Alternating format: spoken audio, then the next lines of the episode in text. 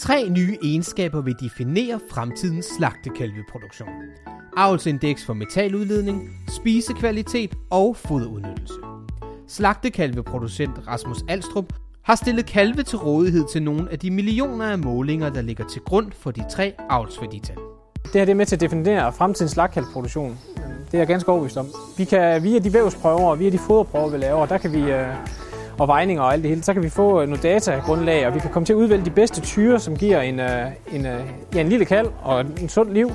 De har et, vi kan vælge en kald og tyr, der giver et lavt foderforbrug og en høj tilvækst, samtidig med, at de har en lav udledning.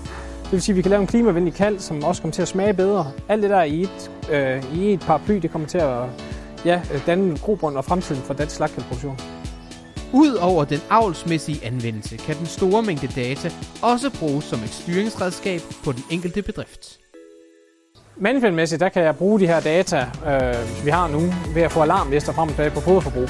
Det vil sige, hvis der er nogle kalde, der har spist mindre eller et eller andet, vi skal have tilset i historien, jamen så, kan vi, så kan vi gå ind og finde dem på vores computer, så kan vi finde ud af, hvilken kalde vi skal lige have en ekstra fokus på, om der er noget galt. Øh, I det lidt længere løb, der forventer jeg faktisk også, at jeg kan bruge de her data ved eventuelt fodskifte og andre ting. På den måde så kan jeg få meget hurtigere data frem og træffe meget mere hvad hedder det, ja, valide valg, altså meget mere troværdige valg, meget mere databaseret valg, øh, når jeg simpelthen skal ud og have en ny foderkontrakt, som for eksempel.